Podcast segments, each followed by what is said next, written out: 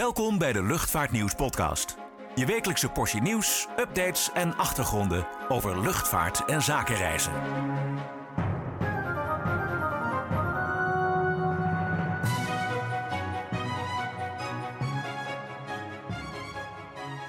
Ja, hallo en welkom bij weer een nieuwe Luchtvaartnieuws podcast. Mijn naam is Klaas-Jan van Woerkom en ik word zoals altijd vergezeld door mijn collega Richard Schuurman. Richard, hallo. Ja, daar zijn we weer. Nieuwe week met veel nieuws. Ik wou zeggen, het was nogal een week zeg. Uh, eventjes heel kort de hoofdpunten die we gaan behandelen. Uh, Transavia heeft een update gegeven van de komende weken, maanden, hoe het vluchtschema eruit ziet en hoeveel vluchten eruit vallen. Corendon was natuurlijk groot nieuws. Daar hadden we een paar mooie primeurs mee te pakken, mag ik wel zeggen. Die gaan met de A350 naar Curaçao. Gaan we ook zo bespreken, de details daarover. Um, ITA Airways, vers van de pers, is uh, nou niet verkocht, maar een, een groot belang daarin is verkocht aan Lufthansa. Um, ehm, KLM had wat aardige toekomstplannen te melden deze week, uh, waar we mee mochten meeluisteren. En, en in China staat er wat te gebeuren, ook komend weekend. Laten we even beginnen met Transavia. die moet al een flink aantal weken vluchten schrappen. Um, waardoor heel veel mensen ja, andere vluchten moeten boeken of helemaal niet op vakantie gaan. wat is de laatste stand van zaken? Nou, die laatste stand kwam uh, afgelopen donderdag. Uh, toen maakte Transavia bekend uh, hoeveel er in juli en augustus moet worden geannuleerd. Dat zijn er bij elkaar 210 vluchten. 110 in juli, 100 in augustus. Ter vergelijking in de maand juni, juno, zoals we dat ook wel mooi zeggen, 331. Dus het zijn er wel een stuk minder. En Transavia zegt zelf dat uh, het aantal uh, annuleringen, die 210 dus voor juli en augustus, dat dat onder de 2% van het totaal aantal vluchten zit. Maar ja, waarom annuleren ze dan nog? Dat heeft te maken met uh, het feit dat zij toch drie tot vier toestellen in reserve willen houden. Voor het geval er een technisch probleem met een vliegtuig opduikt en zij plotseling wat moeten inzetten. Het probleem komt wel langzamerhand in, in controle. Um, we hebben veel gehad ook over de geleasede vliegtuigen van Blue Air. Daar staan er nog drie van aan de grond die Transavia tot nu toe maar steeds niet heeft kunnen gebruiken. Nu zeggen ze, die zitten al in de eh, dienstregeling ingebouwd van juli en augustus. Dus die komen echt uh, bij de zomerpiek in dienst. Maar ze willen wat extra reserve aanhouden. En ja, dus die annuleringen in juli en augustus zijn dan onvermijdelijk. Waarbij uh, voor, nou zeg maar, ver weg de meeste mensen er een alternatieve vlucht is aangeboden. En het is aan die mensen zelf om uh, die, uh, dat aanbod goed te keuren.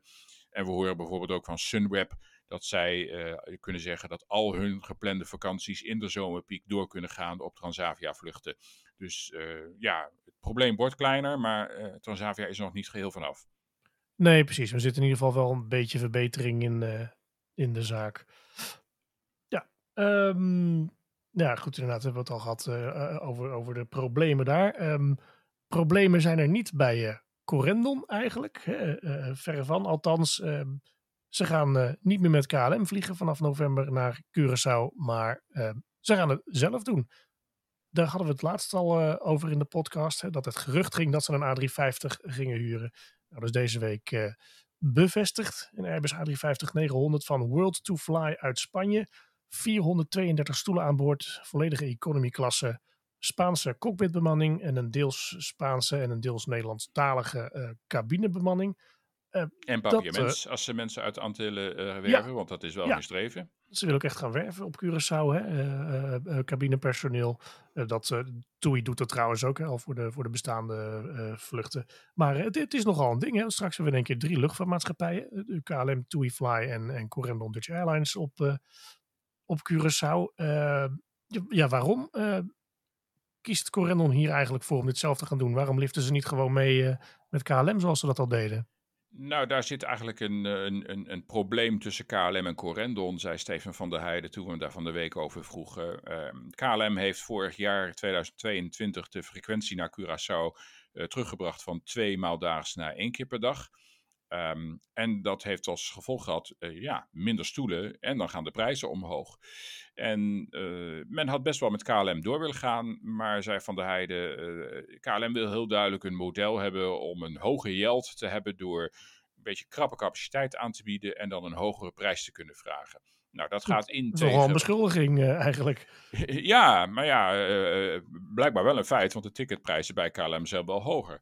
Maar Corendon begon dat te merken, want zij hebben natuurlijk best wel veel hotelcapaciteit op Curaçao. En mensen vinden dan een vliegticket wel een beetje duur worden in combinatie met een hotel. Dus um, zij hebben op een gegeven moment hun knopen geteld en gedacht van we kunnen het beter zelf gaan doen. Dus uh, vandaar dat uh, Corendon vanaf november voor in ieder geval twee jaar uh, met Will to Fly een afspraak heeft om die A350 te kunnen inzetten naar Curaçao. Dus bye bye KLM op dat punt. Die heeft dus lege stoelen te vullen. TUI is de derde speler op die route vanuit Nederland. Uh, ja, die hebben natuurlijk hun eigen pakketreizen en accommodaties. Dus die, we zien het een beetje vanaf de zijlijn. Um, dus of er nou echt een prijzenoorlog uh, gaat ontstaan, zoals al wordt gesuggereerd, dat is een beetje lastig in te schatten. Die bal ligt waarschijnlijk vooral bij, bij de KLM op het bordje. Maar Corendon zegt dat ze een, nu weer een scherp en aantrekkelijk pakket kunnen bieden voor reizigers naar, naar Curaçao. Ja, en ze gaan twee derde gaan ze verkopen in combinatie met uh, hun eigen pakketreizen. Hè? En dan een derde uh, losse tickets voor mensen die zelf naar, naar Curaçao willen. En, of daar wonen of, of naar Nederland willen vliegen natuurlijk. Um, ja, dat World to Fly is niet echt een hele bekende naam in, in, in Nederland. Wat weten we van ze? Het is een maatschappij van de Spaanse Iberostar Group. Nou, dat is een hele grote reisonderneming. Ja, beetje de toei van, van Spanje. Ja. Ja, die hebben heel veel uh, dingen. Ze hebben ook eerder Iberostar Airlines uh, alles in de, in, de, in de benen gezet. Ja. Um, Will to Fly vliegt nog niet zo lang. En die vliegt met widebodies. Die hebben nu twee A350's en er komt er nog eentje bij. En ze hebben ook een, een, een Air Operator Certificate in, in Portugal. daar hebben ze een A330 staan, maar die wordt naar Spanje gezet. En okay. dat toestel komt eventueel als reserve beschikbaar mocht de A350 om wat voor reden een keer uitvallen. En dan kunnen ze in ieder geval de klanten voor Corendon zo snel mogelijk uh, ophalen.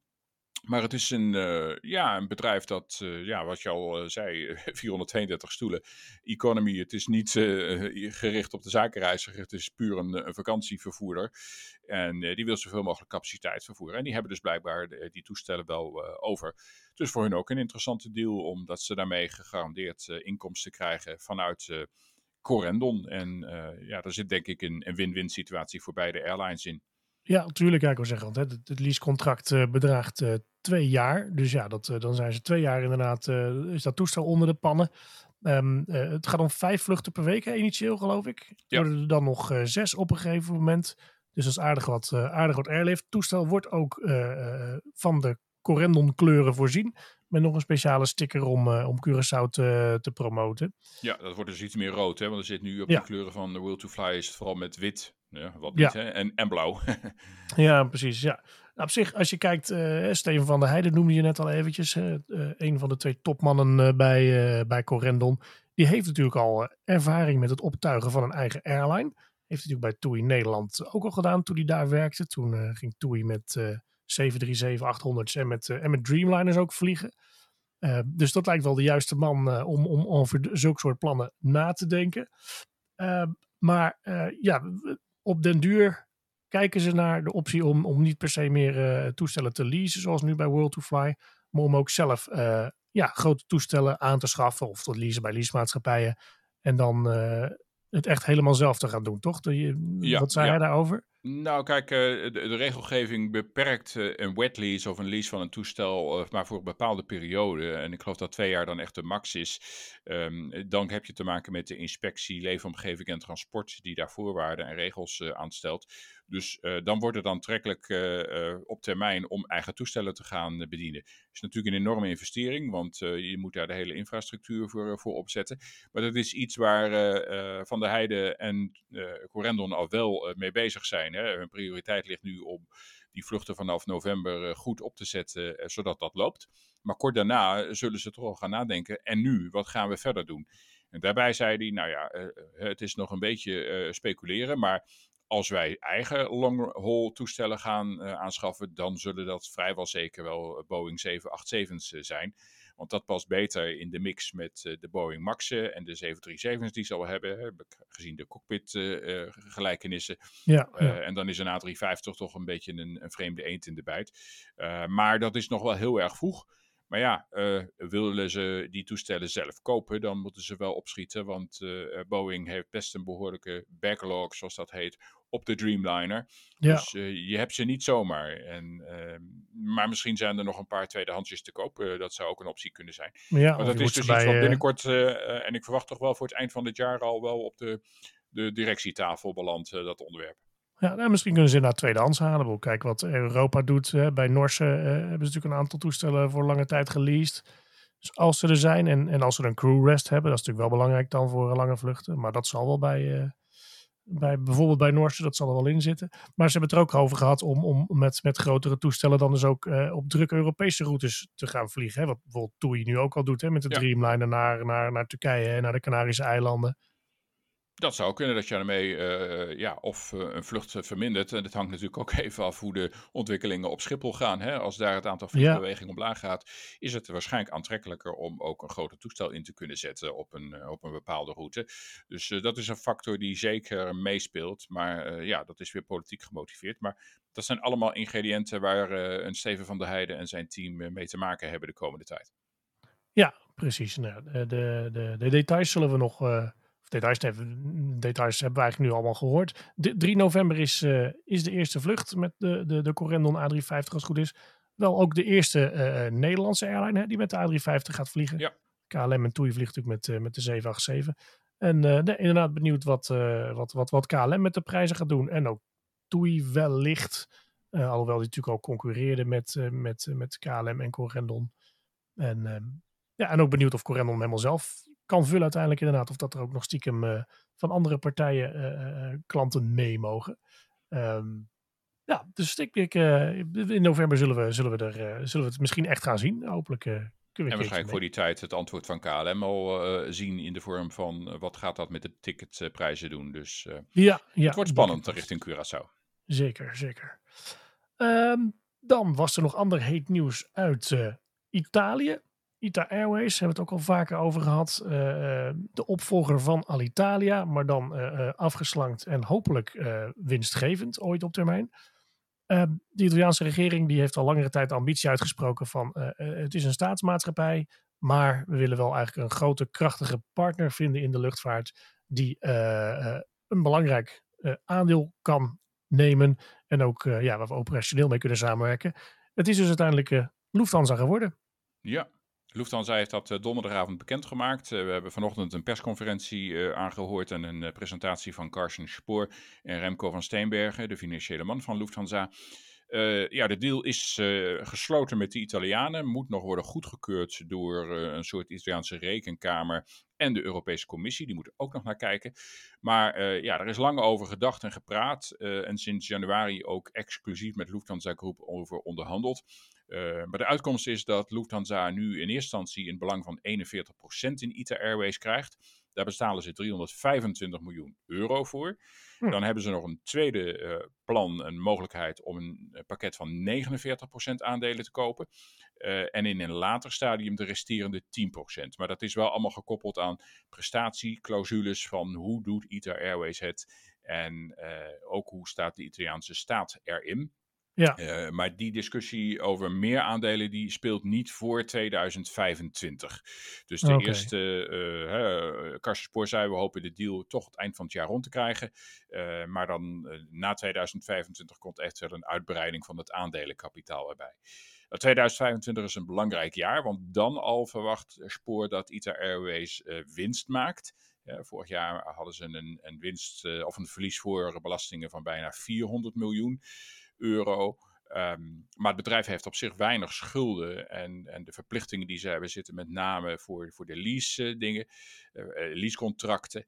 Um, en hij benadrukt heel duidelijk: ITA Airways is geen Alitalia meer. Het is een, een nieuwe onderneming, nieuw opgezet, met veel minder personeel. Hè. Alitalia had 10.000 man, ITA heeft er nu 4.000 en wil wel groeien. heeft veel betere goedkopere dus contracten eh, kunnen afsluiten. Heeft eh, CAO-afspraken tot en met 2026. Uh, eh, nergens zo lang als in Italië, zei, zei Spoor al. Dus het is een heel ander bedrijf. Um, en men ziet daar echt kansen om, om die maatschappij toe te voegen als de vijfde network airline in de Lufthansa groep. En vooral om die Italiaanse markt, die voor Lufthansa al jaren heel belangrijk is. Het is hun derde markt na Duitsland en de Verenigde Staten. Om die uit te bouwen met als centrale punt Rome Fiumicino, om daar een hub van te maken, waarmee ze een soort springplank hebben richting Afrika, richting Noord- en Zuid-Amerika, maar op termijn ook richting Zuidoost-Azië. Dus dat moet echt een hele belangrijke hub worden. Uh, Milaan Linate uh, is geen hub, maar wel uh, heel belangrijk vliegveld voor toeristen en zakelijk verkeer, omdat natuurlijk Noord-Italië het economische centrum van, van Italië is. Ja. Dus daar willen ze meer mee gaan doen. Dus ja, men is daarvan overtuigd dat dat, dat een, een, een constructie is die gaat slagen.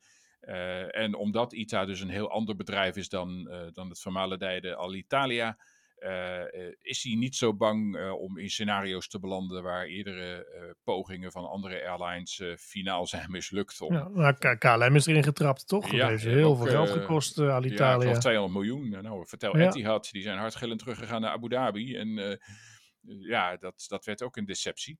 Ja, dus, wel, wel, wel je zegt een belangrijke markt voor Lufthansa. Maar natuurlijk ook een ontzettend stakingsgevoelig land, uh, Italië. Een beetje wat uh, KLM en Air France. Uh, ja, maar kijk naar Duitsland zelf het laatste jaar. En hoeveel stakingen heeft Lufthansa zelf niet voor de kiezer gehad ja, bij het zij de piloten, het zij het grondpersoneel. Ja, ja, Ik denk dat dat is wel een dingetje natuurlijk. Hè? Die vraag kon mm -hmm. niet bestellen, maar je hebt een cultuurverschil. Um, ja. Aan de andere kant, via Air Dolomiti, de Italiaanse regionale maatschappij, die ook onderdeel is van Lufthansa, met daar ook een, een, een directeur die uh, nauw betrokken is geweest bij de onderhandelingen rondom ITA. Uh, hebben ze wel uh, een goed idee wat die cultuur is. En ik denk op zich dat de cultuur ook wel zakelijker is geworden binnen ITA. Het is toch nu meer. Het is een privaat bedrijf in staatshandel, maar dat wordt dus nu echt een privaat bedrijf. Maar het wordt anders geleid dan dat moloch van, van die Alitalia, waar ongebreideld geld werd ingepompt. Dat, dat is echt aan het veranderen. Um, maar ja, ja, ze hebben natuurlijk wel uh, nog eventjes een, een varkentje te wassen in Brussel bij de Europese Commissie. Ik wou zeggen, de, de, Lufthansa wordt wel heel erg groot binnen Europa. Zo. Daar, daar zal de, de Europese Commissie toch wat van te vinden hebben. Ja, de vraag daarop van uh, hoe gaat dat dan? Want uh, ja, je, je, misschien komen er wel voorwaarden hè, om, om, om, slots of andere dingen af te stoten. het marktaandeel in Italië, ja, dat is grotendeels in handen van Ryanair. En daarop uh, antwoordde Spoor, nou dat is nou precies het punt waardoor wij denken dat we uh, goedkeuring krijgen. Want het marktaandeel van Ryanair is met 40% zo dominant in Italië. ITA zit maar op 10% en is in Italië de vierde maatschappij achter Bizar. Ryanair. Bizar voor een staatsmaatschappij. De ja. nationale luchtvaartmaatschappij heb je met 10%, 10% van je markt. Ja, dan heb je dus dat, dat, dat, uh, dat geeft gewoon weinig keus uh, voor de consument. Althans, die kan kiezen voor Ryanair of EasyJet of Wizz en, en nog wat andere. Uh, ja. NIOS bijvoorbeeld. Maar um, ja, de positie versterken van ITA en Italië weer een wat sterkere maatschappij geven. Dat is in het belang van Italië. En om die reden verwacht Spoor dat de Europese Commissie dat op een ja, goede manier zal kunnen beoordelen. En, en voor hem een gunstige manier.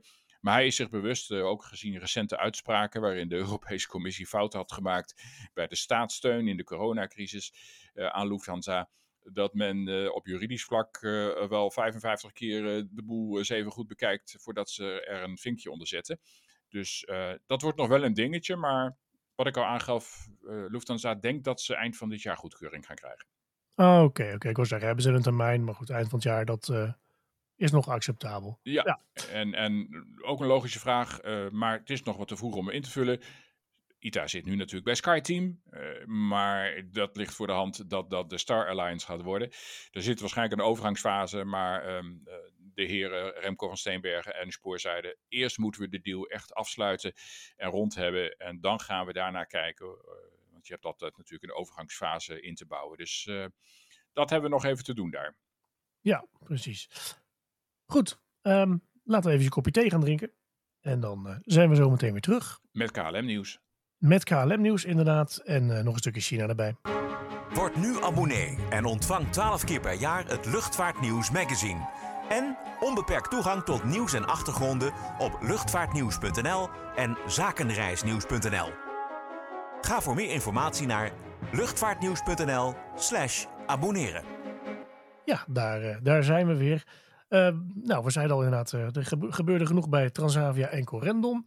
Ehm, en ook KLM had aardig wat te melden deze week. Althans, melden, intern te melden. Maar daar kijken we altijd natuurlijk graag even mee mee. mee.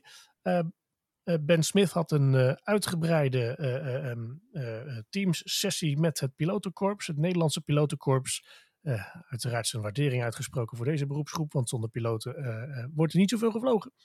Um, en onder andere besprak hij de plannen voor uh, de lange afstandsvloot. die bestaat bij KLM op dit moment uit de Boeing 777-200 en 300 ER. En de Boeing 787 9 en 10 Dreamliner. En ook nog trouwens uit de Airbus A330 200 en 300. Hebben ze er ook nog 11 van in totaal. Maar goed, de, de, de, de, Dreamliners die, die komen mondjesmaat. De A330's die, die zullen er ook uitgaan. Of zoals Ben Smith uh, ook zei, het liefst zo snel mogelijk. Want ze zijn gewoon niet, uh, niet zuinig genoeg. Hè, liever Dreamliners. Ehm, maar ja, het was wel een interessante discussie van. En de lange termijn dan? Hè, de, de, de, de triple sevens, die, tenminste de oudste triple sevens, die zijn 20 jaar oud inmiddels. de oudste 300 ER, die is trouwens 15 jaar oud. En de laatste die hebben ze in maart uh, eh, 2021 nog gekregen. Maar goed, je moet, je moet natuurlijk vooruitkijken. Regeren is vooruitzien. En daar kwamen wel een aantal interessante dingen uit. Hij was wel openhartig hè, daarin, denk ik. Ja, nou ja, goed. De, blijkbaar zijn de piloten natuurlijk ook zeer nieuwsgierig van hè, uh, waar vlieg ik over een paar jaar mee. Um, en dat is nog niet zeker, moet ik zeggen. Maar uh, het was wel interessant om te horen dat uh, Air France KLM uh, voor KLM en ook een beetje voor Air France toch wel echt aan het praten is met, met Airbus en Boeing. ja, wie anders zou je zeggen natuurlijk. Over van nou, wat, wat, wat hebben jullie in de aanbieding tegen welke prijs en wanneer zou ik dat kunnen krijgen? Ehm, ja, wat, zijn dus, de, wat zijn de mogelijkheden? nou ja, het, zou dus kunnen dat KLM toch op termijn met de A350 gaat vliegen. Daar was natuurlijk ooit sprake van uh, dat ze die zouden krijgen, die toestellen. Maar toen is er een deal gemaakt dat zij een aantal Dreamliners kregen die Air France heeft besteld. En andersom Air France de A350-900's die KLM had besteld in de vloot opnam. Nou, dat is allemaal gebeurd. maar ja, dus de A350-1000 wordt nagekeken. Dat is de grootste versie van de A350. Um, ehm, en de nieuwe generatie 777's, de, de, de 7779 om precies te zijn. Die is nog niet in dienst, uiteraard. Dat zit een jaar of vier vertraging in de ontwikkeling daarvan. Maar dat zijn volgens Ben Smith echt de, de interessantste um, ja, opvolgers van de huidige 777's. Uh, qua bereik onder andere. Hè, um, de A330 NIO niet. Dan zeg ja, die hebben eigenlijk net niet genoeg bereik om het hele netwerk van, van KLM te bedienen. Uh, hij sluit ook niet uit dat er meer Dreamliners, dat er meer uh, 787-10's uh, worden, worden besteld. Daar heeft KLM er nu 9 van. Um, maar goed, hij zegt, ja, daar, daarin wat jij net ook al zei, is die, die backlog is, is vrij lang. Dus wanneer je die kan krijgen, is de vraag. Um, ja, dat, dat, is wel interessant. dat je denkt, nou, er, er kunnen dus straks waarschijnlijk wel meer passagiers mee per lange afstandsvlucht. Er zouden ook eventueel nieuwe verdere gelegen bestemmingen non-stop kunnen worden aangevlogen door die nieuwe types. Vooral de A350 heeft al een goede range. Um, en en uh, ja, KLM krijgt de A350 natuurlijk niet per se, maar Martinair Cargo wel. In 2026 ja. gaan ze met uh, vier A350 freighters vliegen. Nou, die, de vraag is of ze in KLM-kleuren gaan vliegen, zoals de huidige 747's, of dat het Martinair-kleuren worden. Maar hoe dan ook, zullen ze gevlogen worden door Martinair-vliegers. Uh, dus ja, het kan alle kanten op. Maar het is wel heel interessant inderdaad wat jij zegt. Hoe, hoe open die daarover sprak. En er zit wel um, tijdsdruk op hè, in die zin. Want ja, de orderboeken lopen vol. De, de Dreamliners ja. die, die zijn denk ik de komende jaren echt nog wel even uitverkocht. Want die ja. Saoediërs die hebben even gewinkeld begin dit jaar. Een klein beetje. Ja, ja, die, die 777-9 die is vertraagd. Maar ja, die productie ligt op dit moment zelf stil. Dus dat zal de komende jaren opbouwen. Dus misschien is daar wel een plekje, maar ja, A350 uh, die gaat naar een hoger productietempo toe in de, in de komende jaren. Dus het, het is overal wel, uh, ja, nu bestellen, uh, even geduld hebben en dan pakken we vier, vijf jaar later krijg je je vliegtuig waarschijnlijk. Ja, uh, tenzij ze gaan leasen, maar ik geloof dat hij dit jaar wel zou willen kopen. Ja, hij zegt liefst teken ik nog dit jaar een, een order. En kijk, sowieso natuurlijk, het is, Air France KLM heeft natuurlijk hè, vanuit de Fransen ook wel goede, goede banden met, met Toulouse, met Airbus.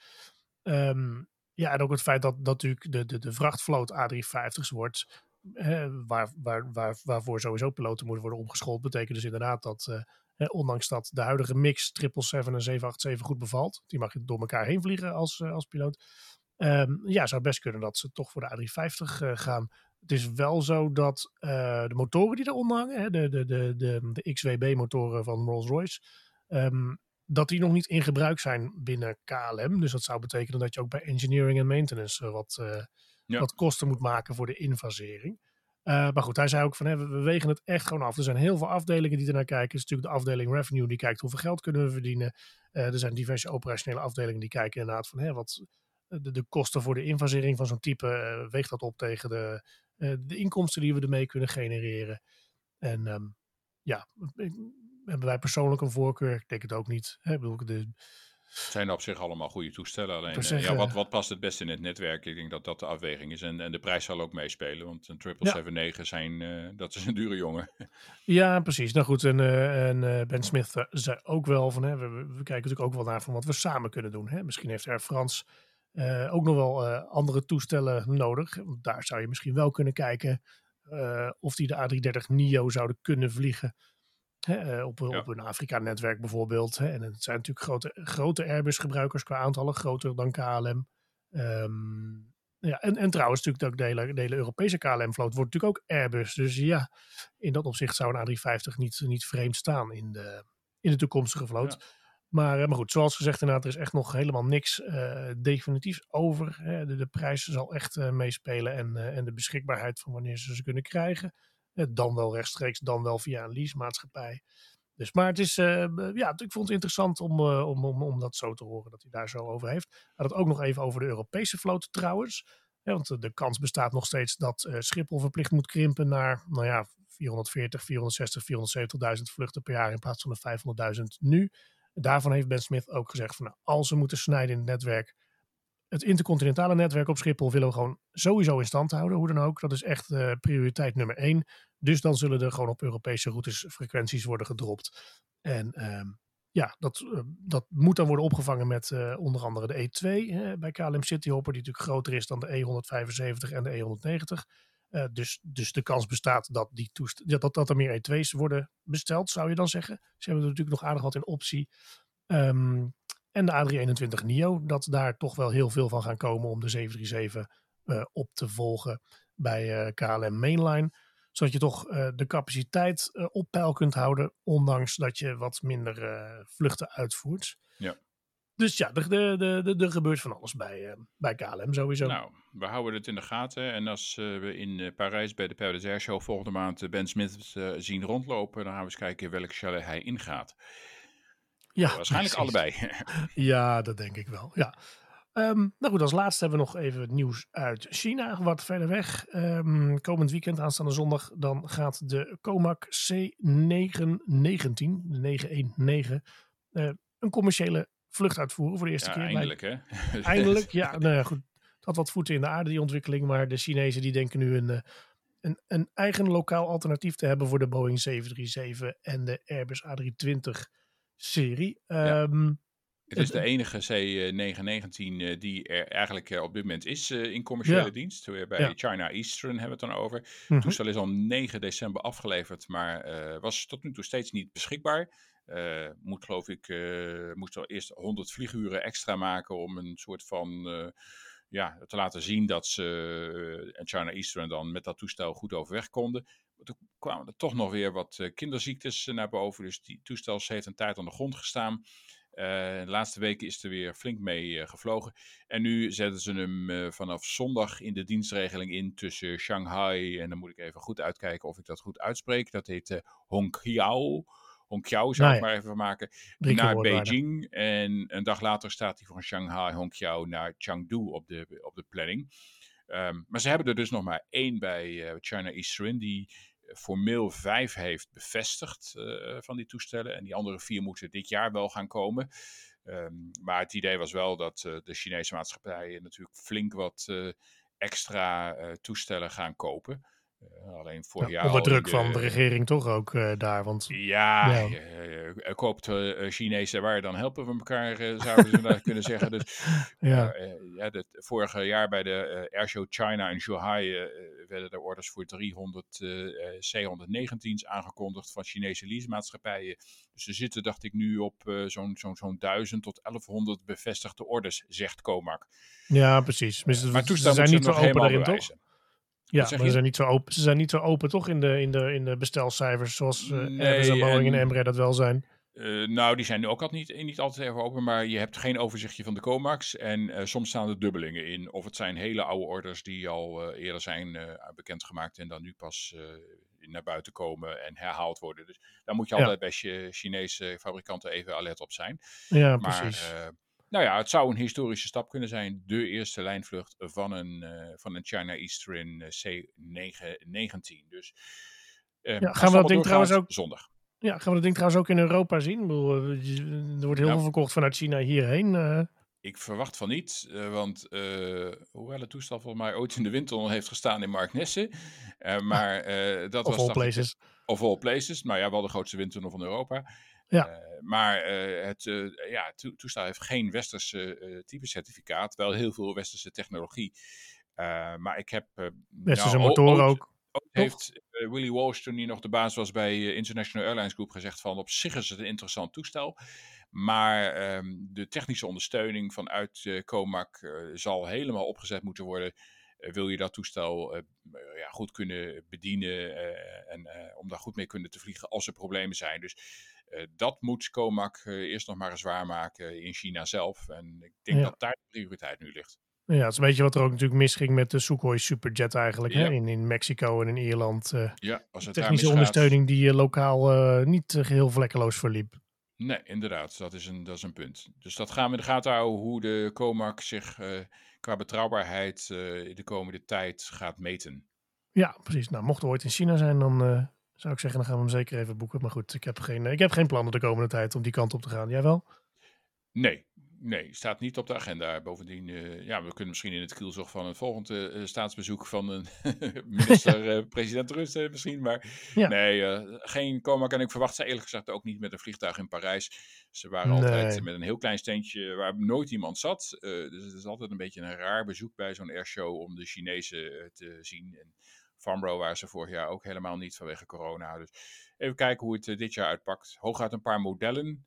Maar ja. uh, de echte uh, C919 en daar ARG 21 zullen we niet zullen, kunnen zien in Parijs, vrees ik. Nee, nee, ik denk het ook niet. Nou, dan zijn we rond, hè? Ik wou zeggen, we hebben, het, we hebben de tijd alweer volgepraat. Dus ja, er staat genoeg weer te gebeuren volgende week. Uh, kijken. Ja, Play komt weer terug hè, vanaf maandag op, op Schiphol met de lijndienst naar, naar Keflavik.